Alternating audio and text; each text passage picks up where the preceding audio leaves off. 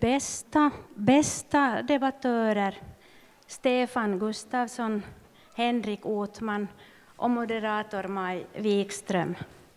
Bästa publik. Mitt namn är Inger Kankkonen och jag jobbar här i biblioteket. Och jag vill å Karleby stadsbiblioteks vägnar hälsa er alla varmt välkomna till den här debatten som inleder kyrkhelgen i Karleby. Jag hoppas att ni alla ska trivas och att vi får se fram emot en intressant och givande debatt. Än en gång hjärtligt välkomna.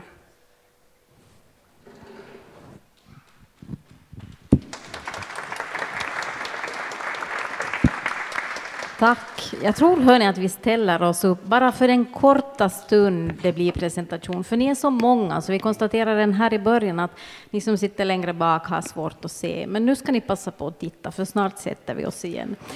Eh, jag är alltså Maj Wikström. Jag är väldigt glad över att ha fått den här äran att samtala med dessa två herrar och över att få vara här i Karleby och vill också säga att det här är ett alldeles underbart bibliotek ni har, fantastiskt. Och eh, det ska bli en diskussion kring sanning. Sanning som kanske flyter eller sanning som är fast.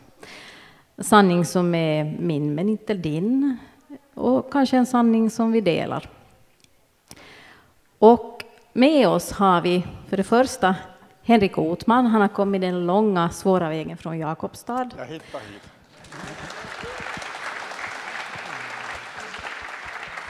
Och, eh, han är biträdande chefredaktör för ÖT. Ni har läst säkert en hel del av hans över, långt över tusen ledare. Och dessutom så är han prisbelönt för sin, sin journalistiska gärning år 2016. Då fick han Topelius-priset som är ett väldigt respektabelt pris här bland journalisterna i Finland. Uh, ni hör honom ofta som kommentator i slaget efter tolv och dessutom vet jag att han är en skicklig ordsnickare och en duktig fotograf. Och så är han också ansvarig för opinionssidorna och där vet ni att det här med sanning och försvar av sanningar kan tumla runt ganska intensivt. Välkommen. Tack.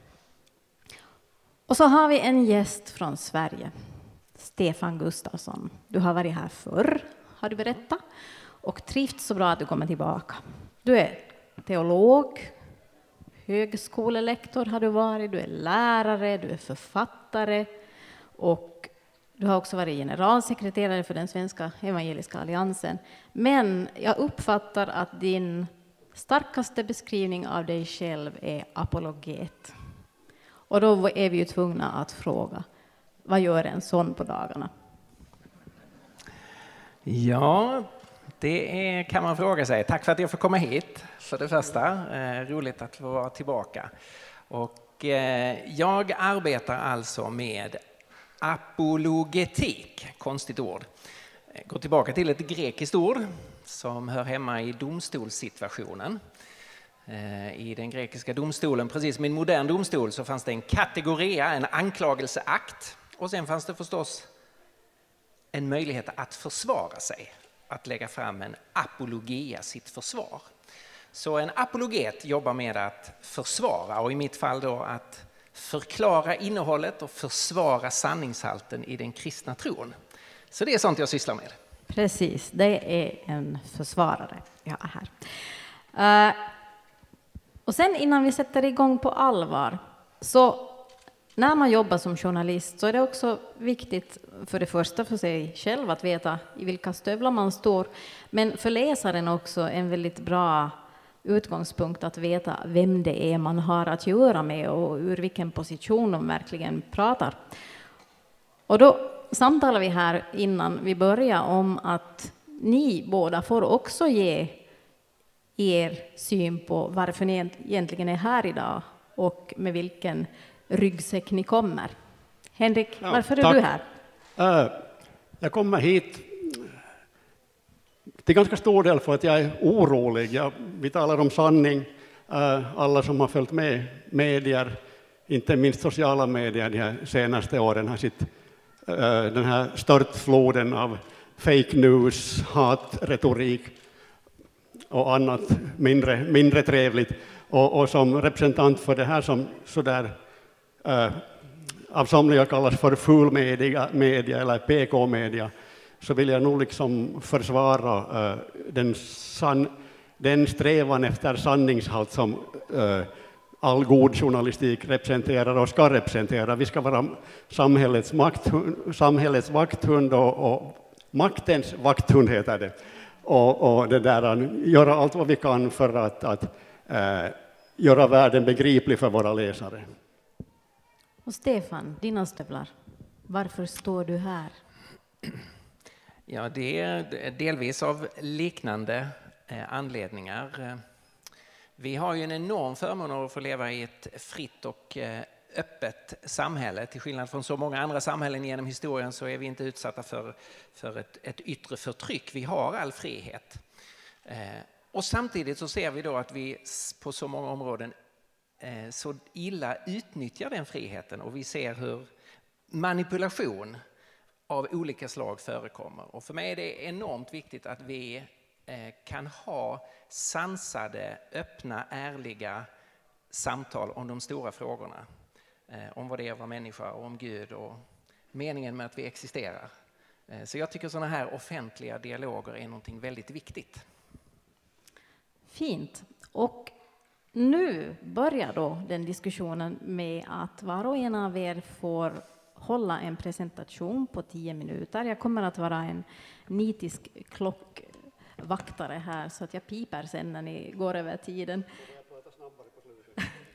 Och vi gör så att gästen, den långväga gästen från Jakobstad får börja och Stefan får sen fortsätta och sen börjar diskussionen kring det vi har hört er sinsemellan och så vidare. Varsågod. Var det tänkt att jag ska stå där vid bordet kanske? Ja, jag vill också tacka för att jag får komma hit till det här fina biblioteket och, och, och har äran att få diskutera ämnen som jag tycker är intressanta och ser fram emot att, att belysa, belysa tillsammans de här frågorna på mångsidigt sätt. Ähm, med moderatorns tillåtelse tänkte jag börja med en liten tillfällighetsdikt som jag slarvade ihop här för snart ett par år sedan och har publicerat på det stora mediet Facebook. Besinna detta en liten stund. Jorden är platt och inte rund. Månen är ost och Elvis lever. Man blir aldrig full av ren genever. Kameler kan flyga och gäddor sjunga. Spädbarn är gamla, gamyler unga. Är detta amsagor spekulativa? Nej, det här är sanningar, alternativa. Tack. Mm. Ja, alltså uh, fake news och alternativa nyheter har varit på tapeten de senaste åren. Man använder begreppen ganska slängigt. De används såväl om obskyra nyhetskanaler och falska uppgifter som cirkulerar på sociala medier, som av populister för att stämpla vad de kallar för fulmedier eller PK-pressen, och av president Trump och medier som Washington Post, New York Times och CNN News. Om vi för ett ögonblick håller oss hemma i Finland och sanningar och lögner ur ett lokaltidningsperspektiv måste vi också ur den synvinkeln beakta den enorma förändring som har skett på bara ett par decennier eller så. Eh, med sociala medier har skvallret flyttat från gathörn, soffor och kaféer till internet och allas beskådande. Sociala medier regleras inte av någon etisk kod medan etablerade medier i Finland har bundit sig att följa journalistreglerna som gjorts upp som ett instrument för självreglering i branschen. Eh, journalistreglerna är en av de faktorer som borgar för att ett mediums trovärdighet. Kanaler som famösa MV-Lehti i Finland och numera nedlagda Avpixlat i Sverige struntar blankt i allt som heter journalistregler och har många motsvarigheter med lika låg publicistisk moral. De är långt ifrån de enda exemplen och Avpixlats mantel har tagits över neutralt klingande samhällsnytt. Det handlar inte bara om att man publicerar okontrollerade uppgifter utan också om att sprida rena falsarier och hatretorik. Eh, vill man fånga kärnan i journalistreglerna finns den, som jag ser det, i paragraf 8 som slår fast följande. Det är journalisters plikt att sträva efter en sanningsenlig informationsförmedling. Jag vill lyfta upp två paragrafer till. Paragraf 26 lyder så här. Eh, alla människors, allas människovärde ska respekteras. Etniskt ursprung, nationalitet, kön, sexuell orientering, övertygelse eller därmed jämförbar egenskap ska inte framställas på ett ovidkommande eller nedlåtande sätt. Och den här tycker jag hänger samman med paragraf 32 som säger så här. När man hanterar uppgifter som leder till identifiering är det skäl att vara försiktig så länge det gäller misstanke om brott eller åtal. Eh, de här paragraferna finns i ryggmärgen hos varje ansvarskännande journalist och är självklara styrinstrument också för oss på Österbottens Tidning. Eh, jag ska ge ett exempel. Österbottnisk Tidning var vintern 2016 under någon vecka i stormens öga då vi lät bli att publicera uppgiften om att en man misstänkt för våldtäkt i Jakobstads centrum såg citat utländsk ut, som det stod i utskicket från polisen. Varför gjorde vi det?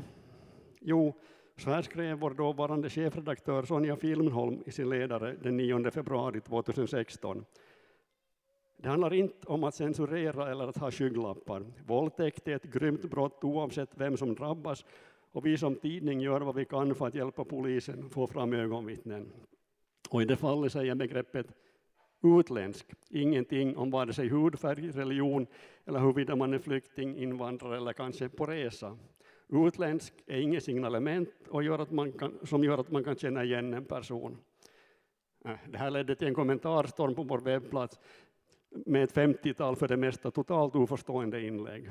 Vi anklagades för att censurera myndighetsinformation och för att ingå i PK-maffian, alltså om inte någon vet så PK betyder politiskt korrekt, och den smala åsiktskorridoren. Någon besserwisser tyckte utom europeiskt utseende hade varit ett korrekt uttryck. Vi, citat, vågade inte skriva att det var en asylsökande. Nej, det var inte så att vi inte vågade. Vi, lika lite som någon annan, visste det. Och även om så varit, det hade som alltid då ett brott begås, begås varje individ som var gärningsmannen, inte en kategori, inte en folkgrupp. Det fanns alltså de som ansåg sig veta. Tonen i vår kommentars, vårt kommentarsflöde var hetsk och höll sig bara med knapp marginal inom vad som kan sägas utan att det handlar om hets mot folkgrupp. Och lynchmentaliteten svävar starkt över diskussionen. Nå, några veckor senare hade mannen både gripits, häktats och släppt på fri fot i väntan på rättegång. Han dömdes också sedermera till två års fängelse. Eh, samtidigt hade stämningarna lugnat ner sig och kritiken mot ÖT tystnat. Varför det? Inte väl för att mannen var, som ÖT valde att formulera det, eh, var medborgare eh, ursäkta nu här hoppar jag bort, var medborgare i, e- var medborgare i ett EU-land, alltså inte alls så utländsk som de hetska debattörerna haft för sig. Vår formulering om mannens härstamning var noga övervägd. Vi ville få fram att han, vad han inte var, men ansåg inte förenligt med journalistreglerna att nämna hans nationalitet. Jag påminner om paragraf 26 etniskt ursprung, nationalitet, kön, sexuell orientering, övertygelse eller därmed jämförbar egenskap ska inte framställas på ett ovidkommande eller nedlåtande sätt. Eh, till saken hör att Vasa hovrätt sedermera friade mannen helt. Eh, inte som någon eh, i sann fake news-anda hade påstått i debatten, för att våldtäkt kan tänka är accepterad i hans kultur. Vad skulle det vara det kan tänka? Utan för att hovrätten ansåg att brott inte kunde styrkas. Det är en händelse som ser ut som en tanke att vi diskuterar yttrandefrihetens gränser just här i gamla Karleby. Det var ju Anders Chydenius som 1766 la grunden för den svenska tryckfrihetsförordningen som antogs den 2 december ja, det året. Som en parentes kan jag notera att om detta skett tio år tidigare hade min farfars farfars far, också han en Henrik Hotman, funnits med bland de riksdagsmän som antog förordningen. Han representerade bondeståndet i Nyland i mitten av 1750-talet. Nåja, Anders Chydenius hörde till den som ansåg att en mångfald av röster är till gagn för samhället. Chydenius ansåg det viktigt att olika åsikter fick nötas mot varandra i offentligheten. Då skulle till slut sanningen komma fram, och det gynnar oss alla, menar Chydenius. Som en intressant parallell till dagens diskussion godkände han också anonymitet i samhällsdebatten. Det viktiga, menar Chydenius, var inte vem som sa något, utan vad som sades.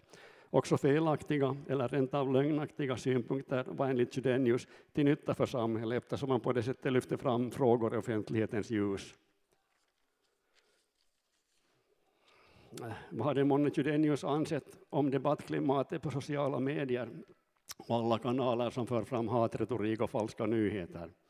Är det verkligen så som Neverant, som han kallades, uttryckte det, att också felaktiga eller rent av lögnaktiga synpunkter är till nytta för samhället eftersom man på det sättet lyfter fram frågor i offentlighetens ljus? Ja, till en viss gräns är det absolut så fortfarande. Frågan är naturligtvis var den gränsen går. Själv drar jag naturligtvis gränsen vid det som är rent olagligt. Vi ska inte tolerera hatprat eller hets mot folkgrupp. Däremot måste vi ge utrymme för ett brett spektrum av åsikter. Man måste kunna diskutera invandring och problem med integration, men det är inte acceptabelt att stämpla hela folkgrupper eller att mana till våld mot flyktingar. Ska man då släppa fram åsikter eh, ska man då släppa fram åsikter och olika synsätt på lika villkor? Här blir det knepigt. Vi måste skilja mellan åsikter och fakta. Åsikter måste kunna brytas mot varandra, medan det är meningslöst att låta en expert bemöta uppenbara amsagor om uppenbara fakta. Alltså en, en, om någon säger att jorden är platt så behöver jag inte gå och intervjua en geografiprofessor för att påvisa motsatsen. Ah, det är alltså inte god journalistik att låta en person som hävdar att det regnar debattera med en som säger att solen skiner. En journalist förbaskade plikt att titta ut genom fönstret och ta reda på hur det förhåller sig. Problemet är att alla inte är eniga om vad som å ena sidan är sanningar och fakta och å andra sidan åsikter och tolkning av verkligheten. Själv ser jag till exempel en diskussion mellan en självlärd vaccinationsmotståndare och en läkare med decenniers klinisk erfarenhet som meningslös. Men det finns ju också det omvända perspektivet, kritiken mot etablerade medier, de som alltså av kritikerna betecknas som PK-pressen, fulmedier etc. på finska, valtamedia. Eh, det är en sak om öppet rasistiska kretsar och uttalade populister kommer med sån kritik. Det vi upplever nu i USA är något helt unikt i den fria världen, då president Trump gång på gång går till frontalangrepp mot den fria pressen. Här är några citat. Any negative polls are fake news, just like the CNN, ABC, NBC polls in the election. Sorry, people want border security and, ex and extreme vetting. Han sagt att media outlets like CNN and MSNBC are fake news because you know they, medierna, are a disgrace. Han har senast i augusti kallat pressen för folkets fiender. Om detta har han twittrat följande. The fake news hates me saying that they are the enemy of the people only because they know that it's true I'm providing a great service by explaining this to the American people. They purposely cause great division and distrust. They can also cause war. They are very dangerous and sick. Uh, senator Jeff Flake, han är inte demokrat utan republikan från konservativa, konservativa Arizona, har liknat Trumps ordval vid Stalins. Daniel Dale, som är chef för tidningen Toronto Stars Washington-redaktion, har fortgående faktakommenterat president Trumps påståenden. Och han hade per den 29 augusti kommit till 2436 falska utsagor. En president som utmålar medierna, som ska vara maktens vakthund, som folkets fiender, är en fara för demokratin. Tack. Tack, Otis. Um. Det här var journalistens syn på sanning och fakta. Nu får vi höra apologetens synvinkel. Varsågod, Stefan.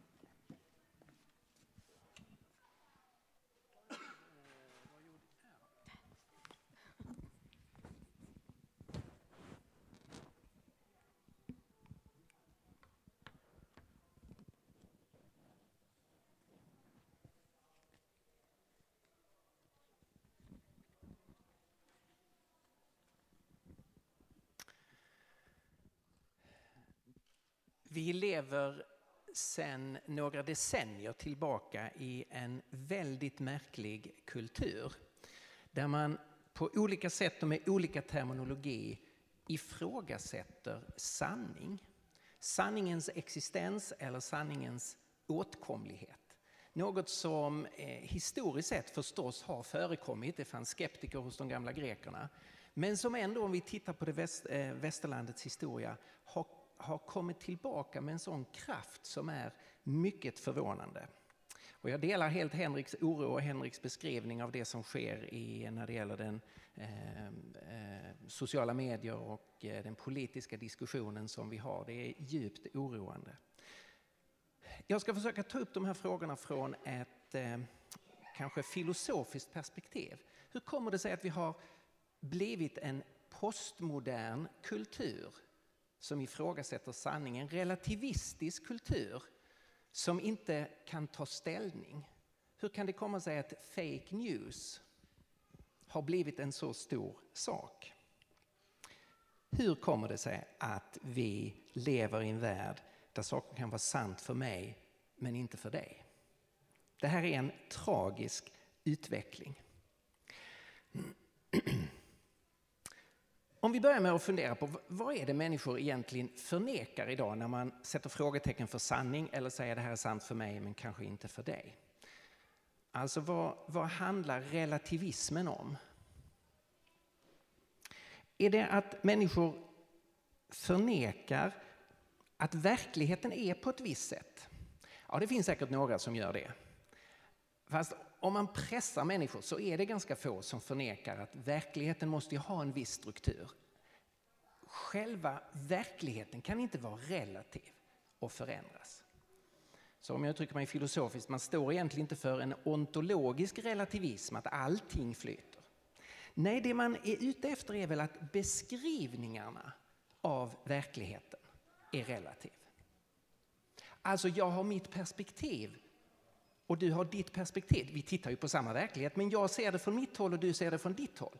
Filosofiskt alltså en epistemologisk, kunskapsmässig relativism. Det är det som har krupit in under skinnet på den västerländska kulturen.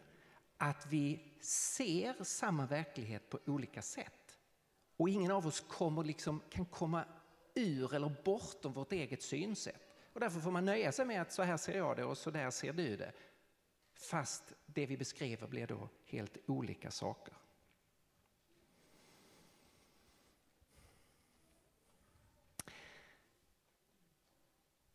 Jag vill försöka bemöta det här med tre korta punkter.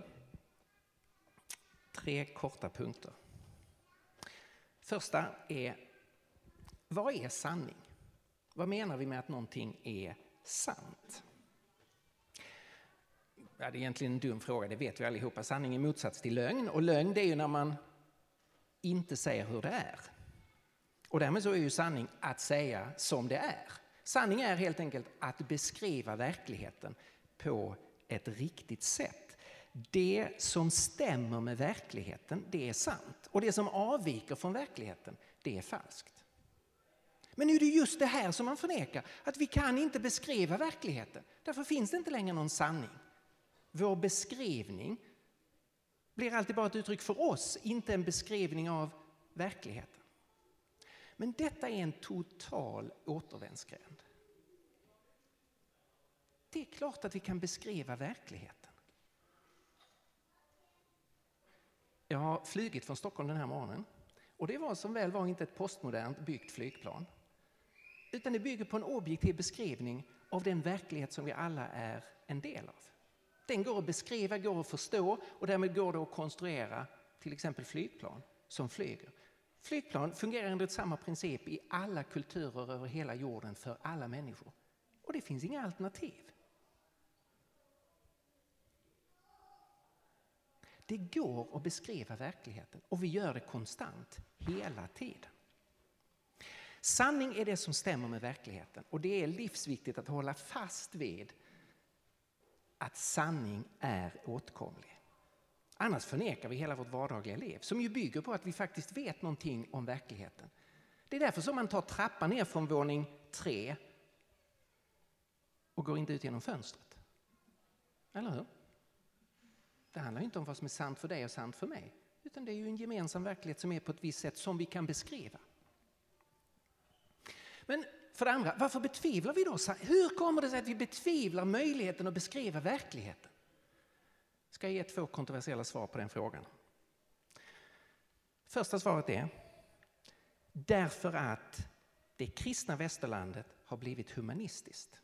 Och då menar jag humanistiskt inte i betydelsen människovänligt utan i filosofisk betydelse att vi har blivit humanister som sätter människan i centrum. Vi har gjort människan till alltings mått. Och från början i samband med upplysningen när humanismen kommer att eh, växa fram så är man ju väldigt optimistisk kring rationalitet och sanning och vetenskap. Men i humanismen finns ett frö som på sikt har kommit att undergräva vår tilltro till möjligheten till sanning, nämligen att människan är alltings mått. Om den enskilda människan ska vara måttstocken för allting, då slutar det med ja men det här är sant för mig och det där är sant för dig. Om nu jag är måttstocken så kan ju det här vara sant för mig fast något helt annat är sant för dig. Det är slutstationen på humanismen, människan som alltings mått. Som Nietzsche sa, vi har dödat Gud. Och så ställer han en mängd frågor kring vad det betyder. Vem gav oss en svamp till att tvätta bort horisonten? Vad har vi ställt till med genom att lösgöra solen från vår jord? Finns det fortfarande något över och under? Alltså alla perspektiv försvinner och människan själv är den enda referenspunkten.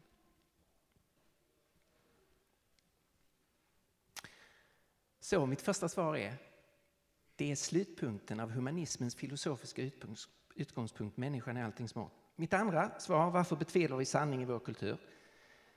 Det är inte bara för att vi har satt människan i centrum, utan det är också då för det andra för att vi har blivit naturalister.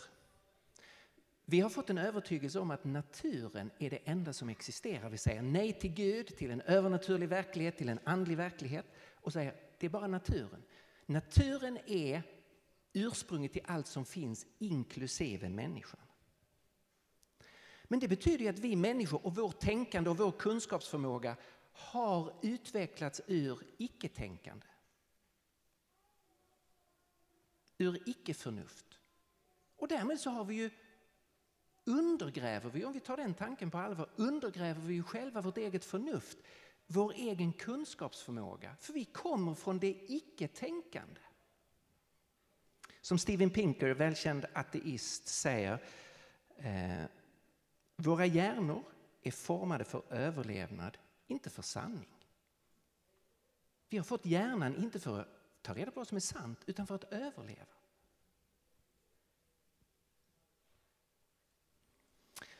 Den kristna tron är ju helt annorlunda och säger att alltings ursprung är logos. Förnuft. Tänkande en intelligens. Denna intelligens har skapat universum och skapat människan till sin avbild med kunskapsförmåga, med förnuft, möjlighet att förstå den här världen. Och denne Gud har sen kommunicerat med människan i skriften, i en uppenbarelse. Detta har satt ramar för människans kunskapssökande och det är det som har skapat den hittills mest framgångsrika kulturen i mänsklighetens historia. Det är det kristna tänkandet med utgångspunkt från logos, ordet.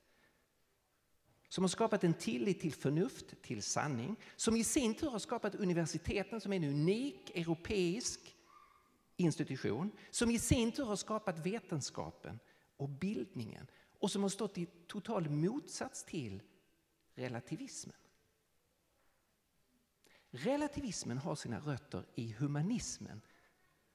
I att sätta människan i centrum och i naturalismen att avvisa Gud. Det tar tid för sådana här idéer att slå igenom. Men sen 80-talet och framåt så har de på det här området slått igenom i väldigt hög grad. Och därför så menar jag att på lång sikt, om vi ska se en förändring i västerlandet, så handlar det om att västerlandet måste hitta tillbaka till sina judisk-kristna rötter. Att börja relatera sin egen existens till logos, till ordet. Tack. Eh.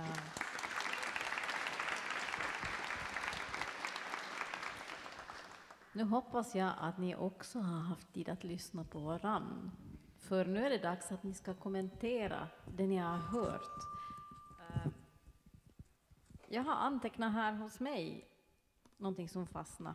Henrik Otman säger alla är inte ense om vad som är fakta och vad som är åsikter. Och Stefan säger sanningsrelativismen är slutpunkten av humanismen. Vi måste tillbaks till våra judisk-kristna rötter.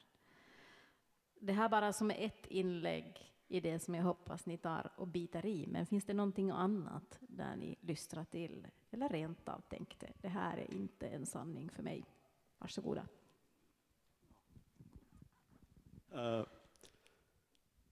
hur placerar du då, när du talar om, om eh, universitetens kristna rötter och, och, hur vetenskapen uppstod vid universiteten, hur ser du då på den konflikt som mycket snart uppstod mellan eh, naturvetenskapen och tron? När då eh, jorden väldigt länge enligt den Eh, kyrkans definition var världsalltets mittpunkt och vetenskapen kom med avvikande påståenden. Eh, just det, du tänker på hela frågan om den, en, eh, eh, om en geocentrisk världsbild eller en heliocentrisk ja. Mm. världsbild och konflikten med eh, Galileo. Eh, ja, det som jag sa här var ju att vetenskapen till sina rötter inspirerad av den kristna tron. Och det går ju tillbaka, det här är helt okontroversiellt bland vetenskapshistoriker. När eh, det vi kallar för eh, vetenskap växer fram under, under medeltiden så är det ju utifrån eh, kristet tänkande och bland kristna.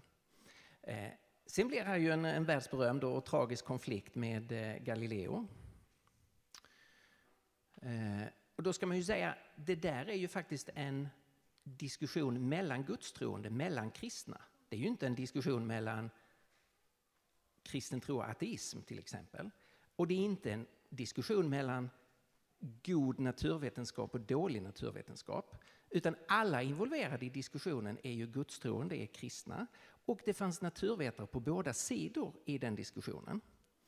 Eh, när Copernicus först lägger fram sin, eh, sin teori så finns det ju, eh, kan han ju inte belägga den. Han lägger fram den som en teori och, och, det blir inte så mycket rabalder kring det. Sen kommer Galileo. Han hävdar att han kan bevisa teorin. Det kan han inte fullt ut. Han kan belägga den mycket bättre än Copernicus men han kan fortfarande inte bevisa den. Och då gör ju kyrkan det gigantiska misstaget att man stretar emot. Eh, och sen går det fram till Newton som slutgiltigt, slutgiltigt kan bevisa det. Och det är klart att kyrkan handlade fel, så min poäng här är inte alls att kyrkan aldrig har gjort någonting som är fel. Men eh, exemplet med Galileo är ingen, eh, egentligen inget exempel på att det råder en principkonflikt mellan kristen tro och naturvetenskap. Men och, väl om sanningen? Ja, när det gäller naturvetenskapliga sanningar så, eh, så, så, är det ju förstås en process, har varit genom århundraden, att förstå den här världen. Och man ska ju notera den som då kom fram till och kunde bevisa att eh, jorden inte är i centrum utan det är solen, nämligen Newton. Han motiverade ju sitt vetenskapliga arbete utifrån sin gudstro. Absolut, och studerade ju mer teologi än, än han studerade fysik och, och, och så. så att, eh, det är faktiskt ingen principiell konflikt eh, på, på det sättet. Men att kyrkan handlade fel där och, och att man satte Galileo i husarrest, det är ju förstås eh, vansinnigt och har varit pinsamt för kyrkan ända sedan dess. Jag har funderat på det här, för jag läste också för ett tag sedan en bok av eh, Bengt Kristensson Uggla som, som skrev att un, redan under medeltiden så, så fanns det liksom inget tvivel om det, saken att jorden faktiskt var rund, utan den plattades till senare. Och, och det kan ju vara som det vill med det, det fanns säkert alla sorter. Men det som jag reagerar på och som jag har svårt att fatta, för eh, på kyrkpressen har vi ju också en opinionssida, det är det här enorma mänskliga behovet av att, att, att hitta konstellationer där den andra har fullständigt fel i allt. Och eh, du, du jobbar med att redigera opinionssidorna, du har säkert varit med i en och annan religionsdebatt. Varav kommer det här stora behovet? Jag tror att, att människan har ett behov av klara kategorier. Liksom det här gråzoner, äh, sån här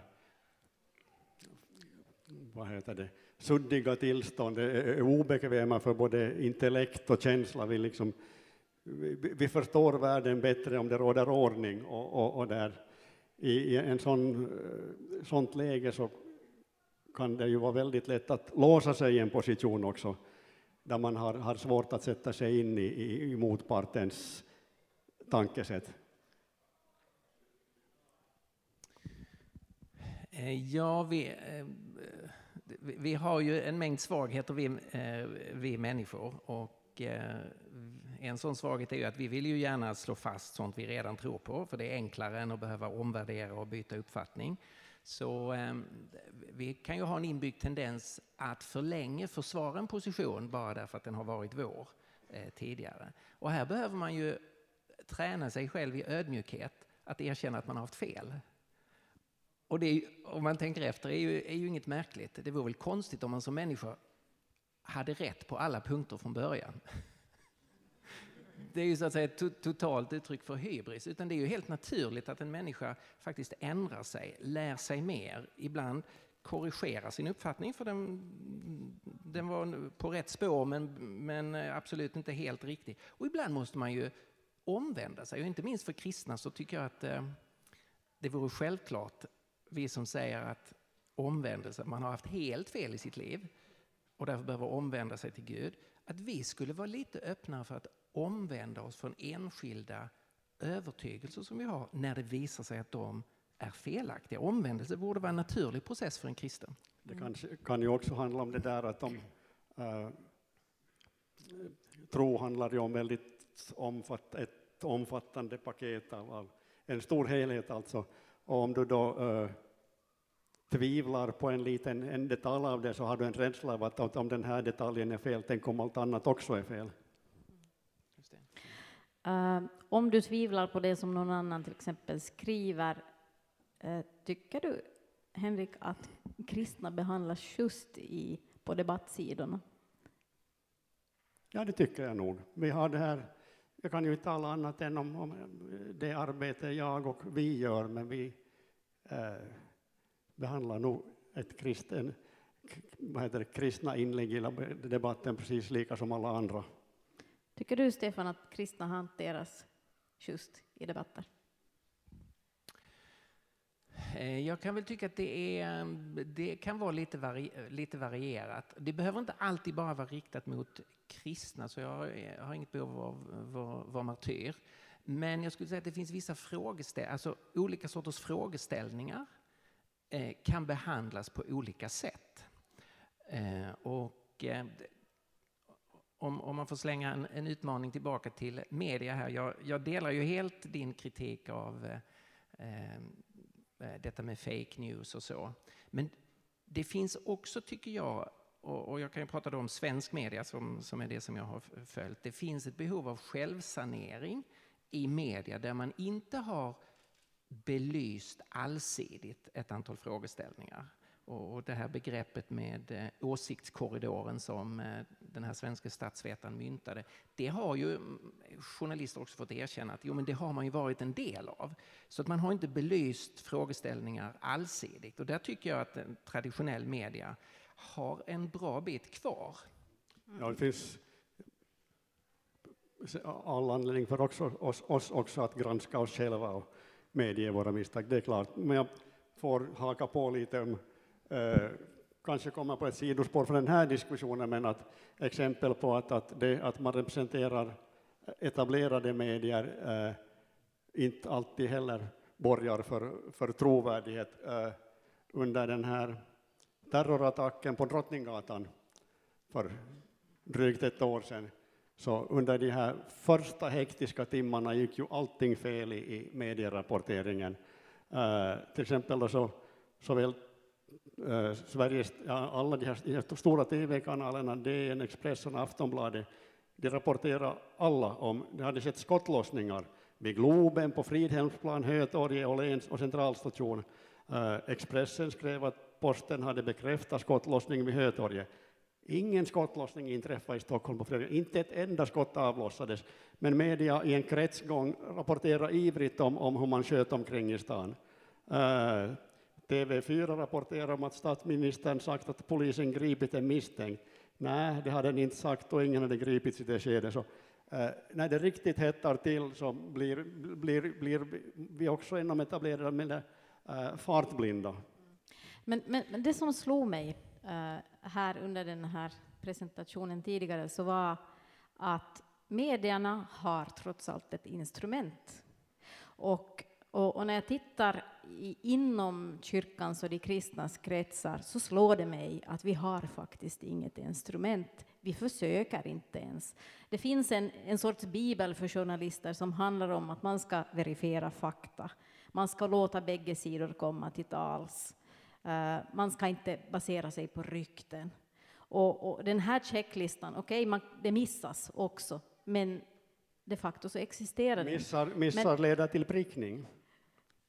Så är det. Men hur ser det ut när kristna debatterar sinsemellan? Till exempel när vi pratar känsliga frågor som handlar om Bibel eller ja, äktenskapssyn eller ämbetsfrågor eller sånt.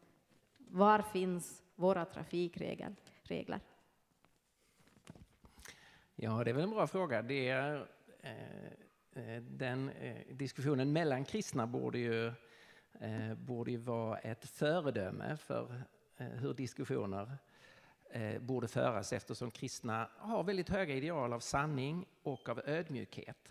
Båda de sidorna eh, finns ju starkt eh, understrukna i Nya Testamentet. Så där, eh, där finns ju väldigt mycket att efterfråga. Att vi behöver sakliga eh, förstås skarpa diskussioner för det finns väldigt viktiga åsiktsskillnader. Men det behöver vara sakligt och det behöver också finnas en ödmjukhet där man lyssnar till den andra sidan för att lyssna in vad är deras egentliga ärende, vad är deras bästa argument och vad säger jag om det? Inte bara det retoriska, hur, eh, hur vinner jag på ytan själva samtalet? Vilka argument går hem hos de grupper jag vill ha bakom mig så att säga om jag är en kristen ledare. Eh, så där, där behöver ju varje debattör eh, arbeta med sig själv. Ja, jag har väldigt få synpunkter på den interna kyrkliga eller kristna debatten. Men om jag får igen här lite göra en utvidgning. Det är väldigt lätt att, att, att, att håna trampa den amerikanska politiken, men inte är vi nu så väldigt mycket bättre här på hemmaplan heller. Eh, här är nu några exempel ur den finländska politiska nära historien. Eh, eh, Sannfinländarnas partisekreterare heter hon Rika i förnamn, Poutsalos Slunga. Så hon drog någonstans en historia om hur en person från Kosovo hade kommit till arbetskraftsbyrån och, det, nej, han, han styrdes till FPA, Folkpensionsanstalten, och där sa man åt honom att inte behöver du jobba här, att ge ditt kontonummer så stöder samhället dig. Och sen när man ansatte henne för det här, så ja, hon hade nog hört det av någon och inte, vare sig det är sant eller inte, det är någon så här upplever man sakerna. Och det här liksom att man gör ett narrativ till sanning istället för att, och det är ju väldigt farligt som jag ser det i den politiska debatten, att, att historier och skrönor styr bilder och, och de historierna och sprids inte bara på eh, servicestationscaféer utan också av etablerade politiker. Eh, centerpolitikern Anneli Jäätemäki som var statsminister i två månader eh, 2003, Eh, det, hon hade i debatten inför eh, gått med hårda anklagelser mot Socialdemokraternas Paavo Lippanen som, hon byggde, som byggde på papper som hon hade eh, kommit åt genom att, att en, en, medveten läcka från presidentens kansli. Och det där, i, i riksdagsdebatten sa hon jag upplevde att jag inte begärt om de här pappren. Och sen i sitt, i sitt försvarstal, jag försöker tala så sant som jag kan.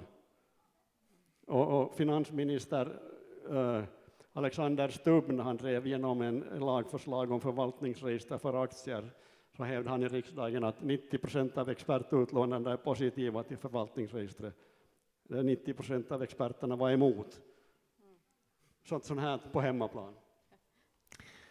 Eh, Eh, jag har en, en, reflektion kring eh, den distinktionen som du gjorde i din presentation mellan fakta och åsikt, som jag förstås håller med om. Eh, det finns fakta som att jorden är, är rund och det finns åsikter. Det finns liv på andra planeter. Ja, det, är, det är ju ingen som har någon aning om det. Vi vet ingenting. Det enda vi vet är att vi har ännu inte träffat på något liv på någon annan planet. Så det är bara liksom en åsikt någon har att det finns liv på andra planeter. Det, är, Eh, så det finns ju sådana klara kategorier. Men det som är, det som är utmaningen, det är ju att det finns en kategori däremellan som inte så enkel är bara fakta eller så liksom tydligt att det här är bara en, en, en åsikt vilken som helst. Eh, och det är ju där som frågan om världsbild och livsåskådning ofta kommer in. Och där jag tror att man... Det är, Eh, när ens egen livsåskådning blir åsidosatt så man märker det tydligare.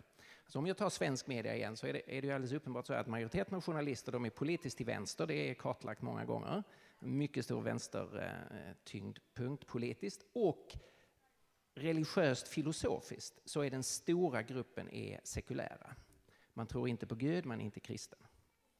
Och det påverkar hur man skriver om en mängd saker. Så om man till exempel skriver om hjärnforskning så indikeras det att hjärnan är det enda som påverkar människans medvetande. Frågan om det finns en själ, alltså om människan är mer än kroppen, den är bara frånvarande. Och man beskriver det ensidigt utifrån den sekulära världsbilden. Själv är man inte omedveten om här att, att här ger man uttryck inte för bara kalla fakta, för det är ingen som på faktaplanet vet om människan bara är sin kropp eller om människan är kropp och själ. Det är faktiskt en öppen fråga. Och där har vi olika livsåskådningar. Och jag kunde ta massor med exempel så här där, där media inte klarar den här, det mellanområdet. Och det tror jag faktiskt delvis är, finns med också till varför det idag finns en så stark reaktion mot traditionell media. För man har inte varit tillräckligt duktig på, på den zonen där. Det är säkert som du säger, men det, som du säger, det hör till det där ovetbara och, och något som är väldigt svårt att angripa ur ett, ett traditionellt journalistiskt perspektiv. Hur ska man då hantera andras sanningar av den kalibern som du beskriver?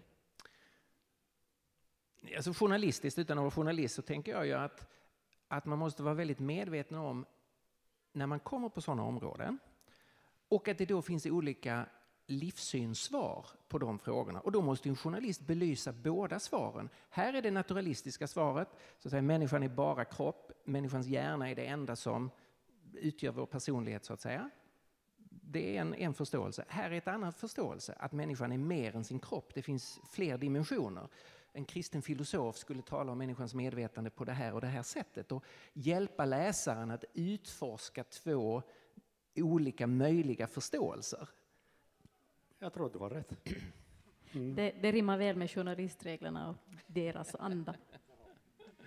Uh, om jag får ta och gripa tag i en, en grej som jag fastnade i, i, i Stefan Gustafssons bok Behöver tron försvaras, så läser jag gärna ett kort stycke här. Eh, det finns ett kapitel som talar om den kognitiva dissonansen, att leva med motstridiga självklarheter. Och det har också att göra med det här med sanningsbegreppet.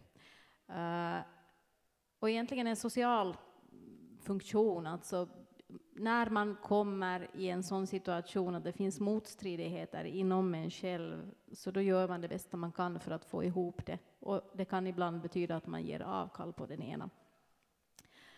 Och du skriver så här. Bibeln är en föråldrad text från antikens värld, förvisso med odödliga avsnitt. Vetenskap har ersatt Guds tro. Kristen tro är inte unik, utan en bland alla religioner. Jesus är på sin höjd en inspirationskälla, en tidig humanist. Kristen tro kan inte längre ses som sann, den kan möjligen betraktas som en inspirationskälla eller som spiritualitet, vilket kan leda till välbefinnande. Den som växer upp med en fot i varje båt kommer snabbt att börja uppleva en plågsam kognitiv dissonans och kommer därmed att ha en naturlig tendens att försöka minska smärtan. Här handlar det inte om någon smärta i skrevet, som när två båtar man står i glider isär. Nej, det handlar om en inre tankemässig smärta, där motstridiga idéer kolliderar och där man förr eller senare måste göra sig av med en uppsättning idéer för att mera, mera helhjärtat kunna omfatta en annan. Man måste flytta över en fot så att man står med båda fötterna i samma båt. Och din slutsats är att fötterna borde landa i det, på det kristna skeppets stadiga däck. Uh, att det handlar om att välja sanning. Men vad är riskerna med det?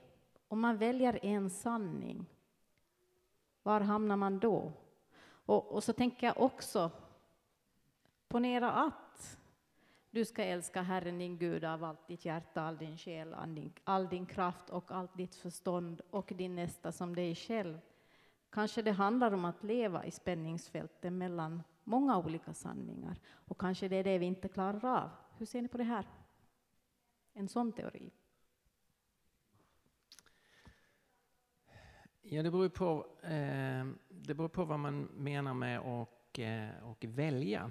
Det, det, som jag gör i det avsnittet i, i boken är att jag beskriver vad det innebär att växa upp eh, i eh, en kristen miljö i det sekular, sekulariserade Sverige eller Norden. Eh, ja, då hamnar man i den här kognitiva dissonansen att kyrkan säger en sak och sen säger kulturen det som lästes upp här. Det var ju inte min, mina uppfattningar som sades där utan vad kulturen säger till oss. Och det skapar en spänning förstås hos den som växer upp i en, en kristen miljö. Hur ska man hantera det? Och till slut måste man välja. Nu är min uppfattning, om man fortsätter läsa resten av boken, att det valet ska inte vara ett blint val. Utan det måste vara ett genomtänkt val där man har analyserat alternativen och tar rationell ställning. Det finns fler aspekter än det rationella, men det rationella måste vara involverat. Och för mig är det inte konstigare än att, än att välja hustru, så att säga. Man väljer inte hustru blint, alltså att man sätter bindel på ögonen och går fram till vem som helst. Jag måste göra ett val. Och så. Eh, utan det måste ju vara ett genomtänkt val. Men sen är det ju min fru. så att säga, eh, om vi nu tar det, det, det exemplet.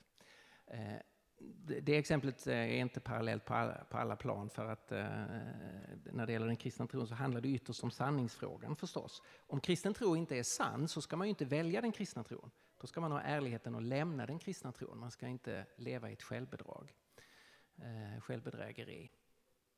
Så det, är, det går ju tillbaka till sanningsfrågan. Man måste undersöka vad finns det anledning att hålla för sant? Och det ska man överlåta sig åt. Vad finns det anledning att hålla för sant, Henrik? Och spänningen mellan olika sanningar, hur klarar vi av den?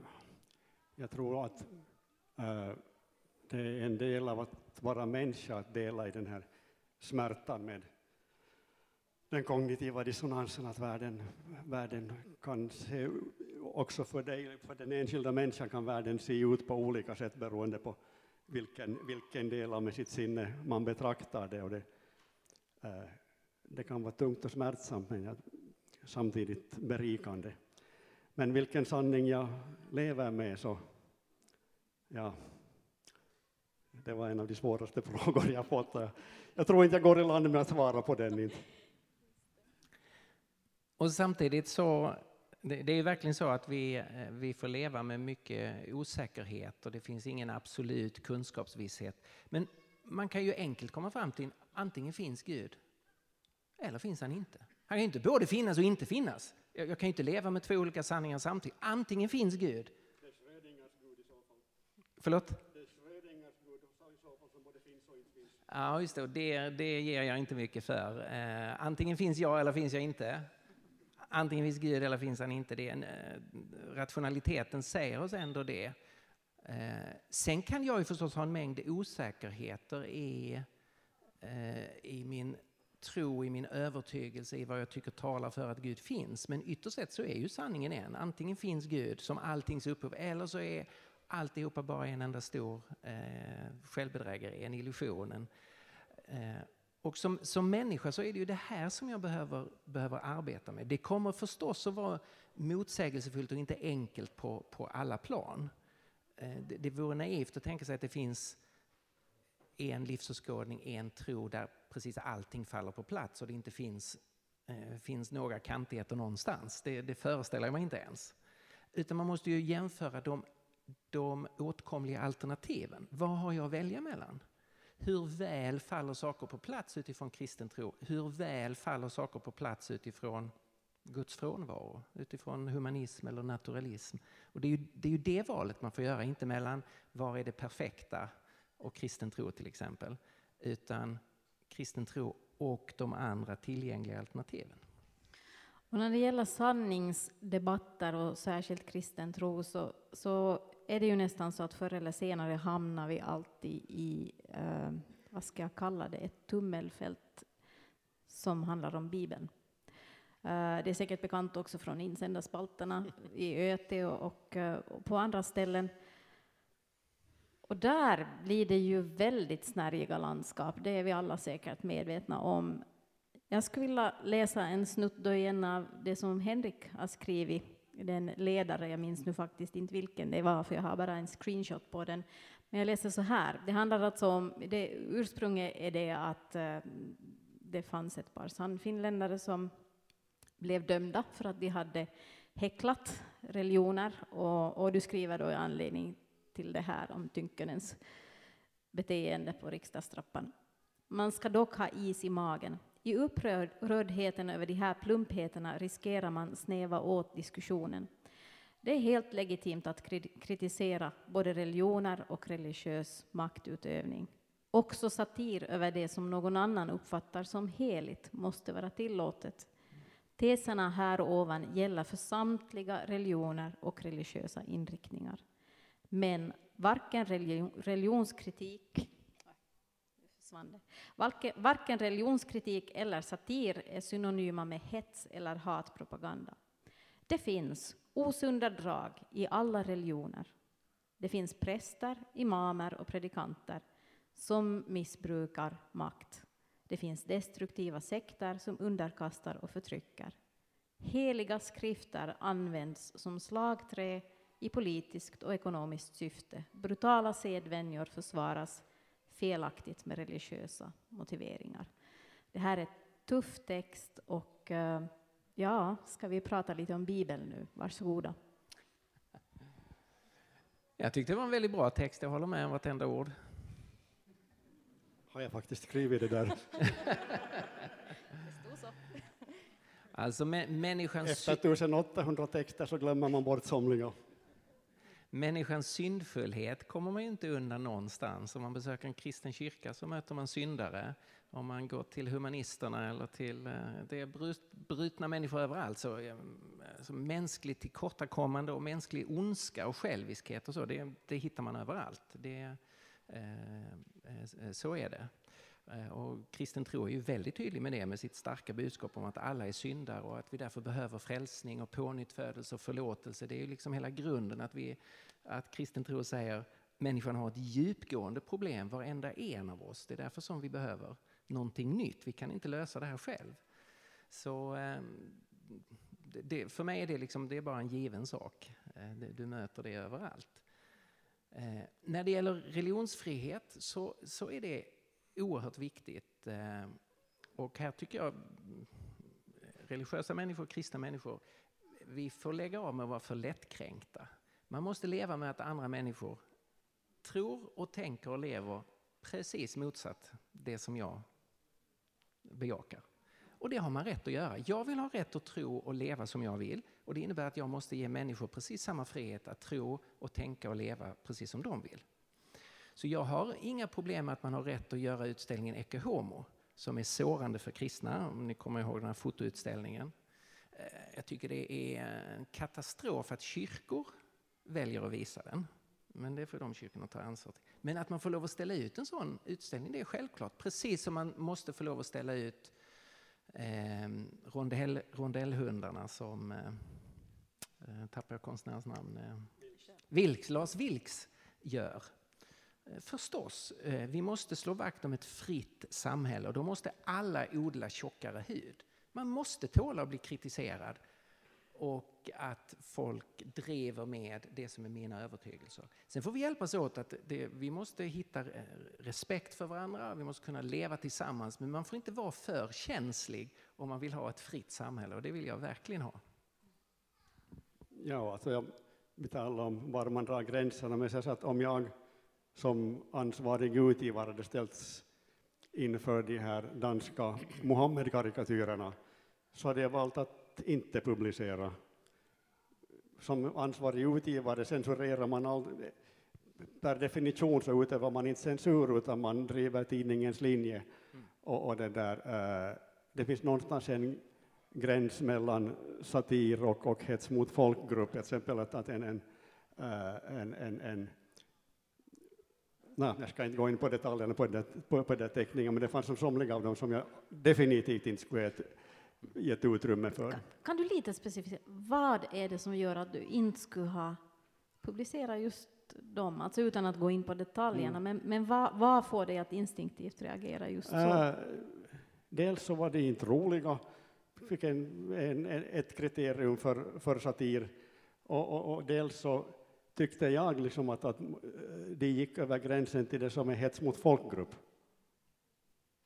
Att, att man betecknar någon som är eh, muslim med en, liksom en, en, en, eh, turban som är formad som en bomb, liksom, att man per definition eh, jämställer eh, muslim med att vara terrorist.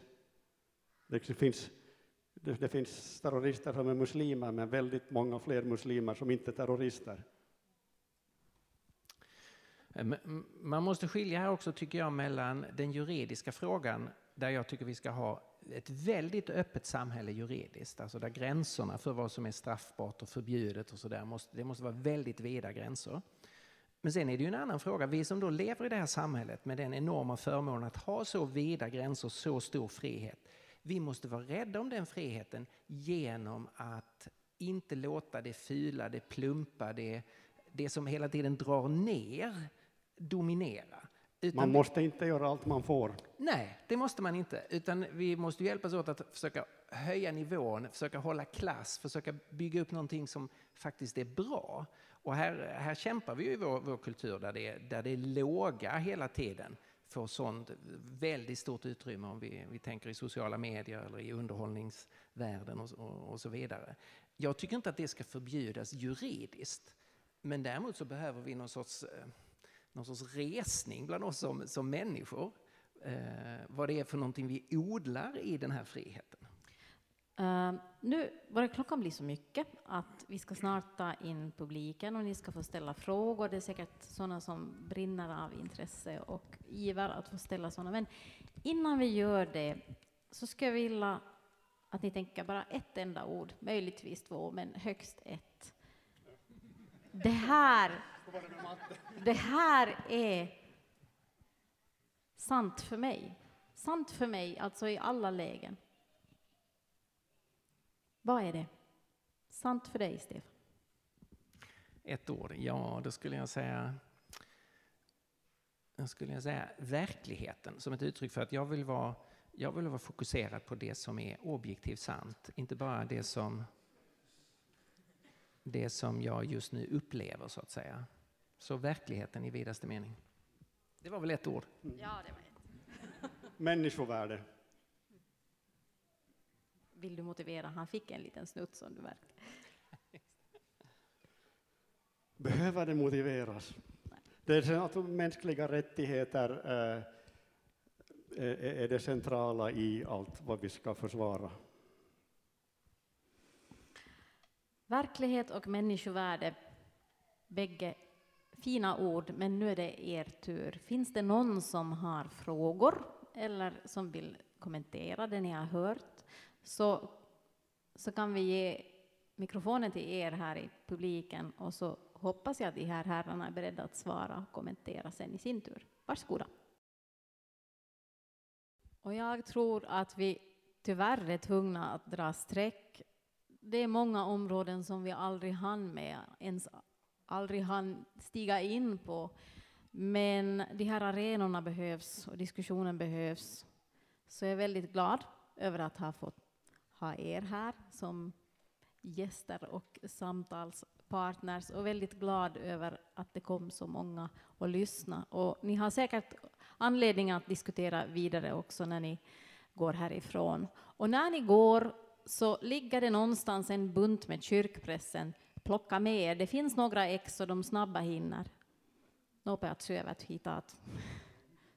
Tack ska ni ha för att ni kom och en god fortsättning på den här kyrkhelgen och en god fortsättning på ett liv i sanning och kärlek. Tack för att jag fick vara med. Tack.